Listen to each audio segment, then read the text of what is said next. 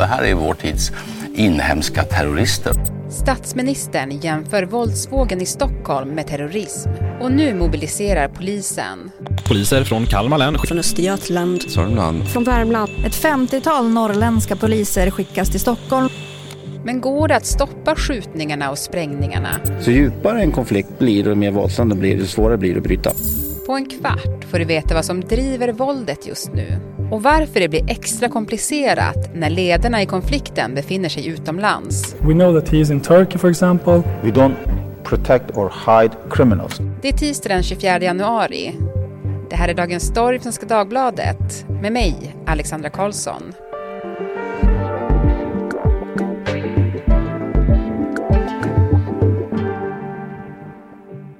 Frida Svensson, granskande reporter här på Svenska Dagbladet. Du Frida, du har ju jobbat i helgen. Hur har det varit? Ja, det är som att lyssnarna vet att när de hör min röst i den här podden, då har det inte varit eh, liksom en lugn stilla helg utan något helt annat. Och så var det ju. Jag har eh, Eh, liksom jobbat konstant här sen i fredags och det beror ju på att den här våldsvågen som vi har i Stockholm sen eh, julhelgerna egentligen har blivit ännu mer intensiv. Och jag har haft kontakt med poliser som har jobbat under den här helgen som har sagt att det här kan vi likna med att Stockholm är under attack. Vi kan likna det med krig. Eh, någon nämnde också att eh, så här pressad har situationen i Stockholm inte varit sedan terrordådet. Eh, och det var ju just för att det skedde ja, men fem grova eh, våldsdåd mellan fredag eh, kväll till lördag morgon och då pratar vi sprängningar, skottlossning och också ett mord eh, i Solna just när, när man får rapporter om att eh, poliser i tjänst aldrig har varit med om något liknande så förstår man ju att det är no någonting annat här. Jag kan tänka att det också liksom väcker känslor hos vem som helst egentligen. Ja, men, och jag tycker att det är så ständigt närvarande och jag tänkte på det så himla mycket i lördags eftermiddag så var jag ute och gick med min hund och så hörde jag så här sirener, ganska långt ifrån men ändå. Och min första tanke var så här, nu har det skett ett nytt dåd. Och så var det ju. Då kom det en push sen att det var en skottlossning då i Dalen i södra Stockholm. Där det sen visade sig vara väldigt unga gärningsmän. Det, det är väl inte klart just vem som var gärningsman och så men, men eh, polisen stoppade ju en bil efter en biljakt. En bil som sen krockade eh, vid Gullmarsplan och eh, man lyckades gripa eh, två eh, unga eh, personer där, en 13-åring och en 14-åring som sen är misstänkta för grovt eh, vapenbrott. Mm. Eh, så det säger ju en del. Mm. Och ja, men det, det som också sticker ut lite mer i den våldsvågen som vi har nu är ju att eh, händelserna sker väldigt spritt. Det är kraftiga explosioner vid Nytorget och sen är det eh, skottlossning i, i Enskede, det är skottlossning i Uppsala och eh, det, är ju, det är ju en utmaning då rent liksom polisiärt att hantera det också när det är så pass eh, spritt. Men varför är det så utspritt? Varför är det i så många olika områden som det sker? Först när man pratar om, om det här så ska man ha med sig att eh, vi har under eh, ja, senaste året haft eh, jättestora problem med dödsskjutningar. Det är eh, rekord, det är över 60 personer som har skjutits ihjäl. Framförallt i södra Stockholm har det varit jättebesvärligt. Den problembilden känner alla till. I Stockholm så har vi flera eh, konflikter inom de här nätverken som pågår samtidigt. Eh, varje nätverk och kanske även varje individ i de här nätverken har olika typer av konflikter. Och vi har uppskattningsvis eh, 1500 personer som polisen eh, beskriver som nätverkskriminella. Det är liksom plattan som vi står på här. Ja, men om vi då går in och zoomar in på det som sker just nu och försöker förstå den konflikten, hur skulle du beskriva den? Ja, det vi vet både eh, genom eh, polisuppgifter men också genom att eh, granska eh, och kartlägga de här dåden, liksom vilka adresser det sker emot och vilka som bor på de här platserna och så, så kan man ganska tydligt se att eh, flera av de här dåden är kopplade till en konflikt som bottnar i narkotikamarknad mellan två nätverk och kanske framförallt två individer på respektive sida, två ledargestalter. Men att det eh, nu också handlar om en slags hämndspiral där man har skjutit mot adresser där anhöriga bor. Det är såklart väldigt känsligt och det eh, skruvar upp volymen väldigt mycket på, på konflikten. Men om man ska titta lite på eh, de här två sidorna då som, som verkar attackera varandra. På den ena sidan så är det ett nätverk eh, som eh, styrs delvis av en eh, 36-årig man från eh, Uppsala som kallas för den kurdiske räven för hans eh, användarnamn bland annat då i Encrochat var eh, Fox eh, Kurdish. Han befinner sig i eh, Turkiet och har fått medborgarskap där. Ehm, han är häktad både för eh, grova narkotikabrott och förberedelse till mord. Man har från svenskt håll försökt att få honom eh, utlämnad till Sverige. Eh, det har hittills inte gått. Och på den andra sidan så har vi en 24-årig man som kopplas bland annat till Dalen-nätverket. Ehm, och eh, det ska ju vara va då eh, strider om vem som ska kontrollera vissa narkotikamarknader, bland annat i Västernorrland. Eh, Sundsvall pekas ut för att den här eh, 24-årige mannen har bott där och han är åtalad för brott där och så, så han har vissa kopplingar dit. Eh, och ja, un ungefär så ser det ut. Mm. Och det är det som driver våldsvågen just nu då? Ja, och jag ska säga också att den här 24-åringen då på den andra sidan, han bedöms också vara utomlands. Så att man gör så här, alltså spränger och skjuter mot adresser med koppling till personerna, ska enligt polisen vara ett sätt att försöka få hem dem, försöka få dem tillbaka och, och, och visa sig egentligen, kan man säga. Mm. Och det är ju extremt cyniskt, för det drabbar ju väldigt många det drabbar många, det drabbar eh, på fler då spridda adresser och självklart också att risken att utomstående drabbas eh, ökar ju också. Mm. Och som jag förstår det verkar det också just nu finnas väldigt många unga personer som är villiga att ta på sig uppdrag åt de här ledande personerna. Ja, som vi nämnde där då, de gripna där 13 och 14 år och det egentligen det vi ser nu går ju eh, i linje med vad vi tidigare vet om hur nätverken opererar, alltså att man lejer och rekryterar barn.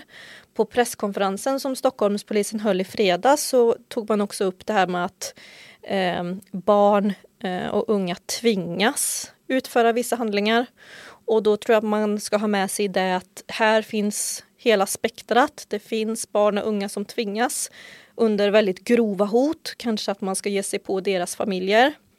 Och de som eh, efterlyser ett morduppdrag som, som, som är liksom hungriga och vill visa sig och få liksom status i den undre världen. Burrows furniture is built for the way you live.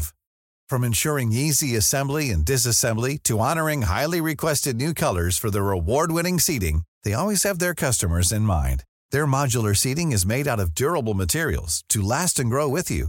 And with Burrow, you always get fast, free shipping. Get up to 60% off during Burrow's Memorial Day sale at burrow.com slash ACAST. That's burrow.com slash ACAST. burrow.com slash ACAST. Det som sker just nu, har polisen koll på det, skulle du säga? Ja, jag har ju sen i fredags eh, haft oändligt många samtal med poliser. Framför allt poliser som jobbar på utredningssidan, alltså som inte är ute i uniform och plockar vapen och så, utan de som har som ansvar att de här brotten ska gå ja, men till åtal och kanske även fällande dom. Och på utredningssidan så är man ju väldigt pressad. Det är ju, man larmar om att eh, det, det, finns uppenbara kopplingar mellan flera händelser men vi har väldigt svårt att få en sån överblick. Eh, man kan jobba på väldigt effektivt under en helg i liksom jour och beredskap. Men sen när ärendena ska lämnas över klockan åtta på morgonen i den liksom ordinarie driften, där bromsas det upp direkt för där hamnar man i, i, i liksom de vanliga köerna till forensiska undersökningar, köerna till IT plus då att rent eh, personalmässigt så, så är det väldigt, väldigt pressat. Och som bland annat Svenska Dagbladet har berättat om eh, tidigare så får ju idag eh, i allt för stor utsträckning väldigt eh, unga eller gröna och oerfarna utredare ett stort ansvar för att driva de här utredningarna framåt. Mm. Och då, då blir det ju svårt, speciellt när det finns då uppenbara kopplingar till andra länder där man liksom går in på någon slags här diplomatisk eller politisk nivå. Det, ja, men det är väldigt svårt. Men nu som jag förstår det så riktar man in sig väldigt mycket på ja, men utförarna, alltså de som håller i vapnet och trycker av. Mm. Eh, så. Ja, men det, det, du beskriver här är ju dels då den här internationella kopplingen, men också som du sa att det handlar om att eh, få del av en narkotikamarknad i andra delar av Sverige som inte är Stockholm. Och just nu har ju Stockholmspolisen fått mycket förstärkning hit till huvudstaden för att det sker så mycket här. Men hur påverkar det resten av landet? Ja, jag pratade med en eh, ehm, källa i Sundsvall som eh, Eh, muttrade lite om att ja, men man kopplar tydligen konflikter hit men vi får skicka iväg en massa folk till Stockholm. Eh, och ja, det är ju, det är ju liksom en stor resurs som skickas till Stockholm just nu eh, i, av, av poliser men men jag har också fått eh, ja, men larm från poliser som säger att ja, men, eh, vart är våra 50 socialsekreterare då, när vi har så många unga gärningsmän eller misstänkta. Eh, det är i princip fullt på SIS-hemmen och man måste koppla in socialtjänsten i, i de här eh, ärendena så att eh, man kan inte bara tillkalla liksom blå resurs menar man. Mm ehm, det känns ju väldigt mycket nu som att man, man, man, man försöker stoppa den här akuta branden.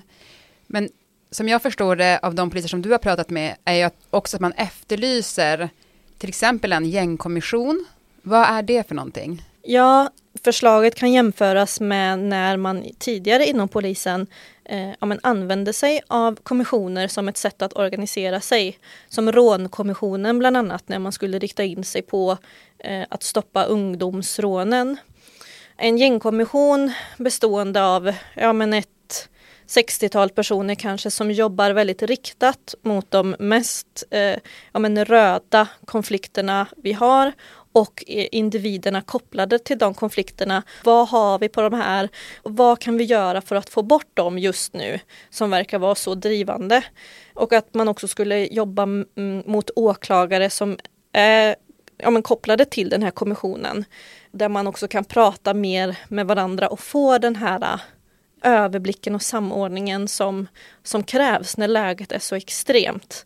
Jag ville väldigt gärna ställa den frågan till region, tillförordnad regionpolischef i Stockholm, Mattias Andersson, men jag har inte fått intervjua honom. Men eh, jag tycker det vore intressant att se eh, hur man ledningsmässigt i så fall avfärdar ett sådant förslag och hur man motiverar det. Mm. Vi får hoppas att du får en intervju till slut kanske. Ja, de har ju lite annat just nu. Men du Frida, eh, det finns en frustration inom polisen, det finns en frustration bland allmänheten. Vi ser att fler utomstående kan drabbas av det här hänsynslösa våldet, vilket kanske också har skett. Den här dödsskjutningen i Solna tror man ju är en felskjutning. Ja, och även i Södertälje här i höstas också har vi ett exempel. Alltså, kommer vi få se ett slut på den här våldsvågen? Ja, jag vet inte om jag är, är rätt person att svara på den frågan. Jag vet bara att jag genom åren har intervjuat många kriminologer som har sagt att ja, men efter i år då lugnar det nog ner sig eller att nu har vi nått piken. Med facit i hand eh, utifrån de senaste åren vet vi att så har det absolut inte varit.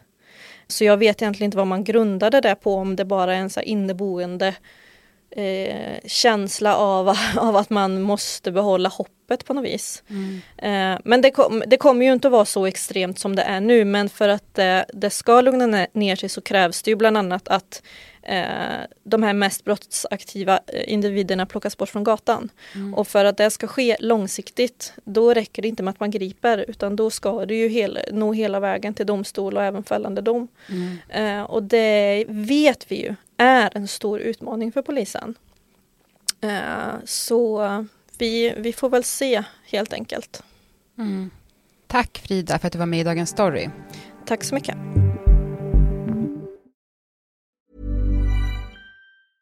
It's that time of the year. Your vacation is coming up. You can already hear the beach waves, feel the warm breeze, relax and think about work. You really, really want it all to work out while you're away. Monday.com gives you and the team that peace of mind. When all work is on one platform and everyone's in sync, things just flow wherever you are. Tap the banner to go to Monday.com.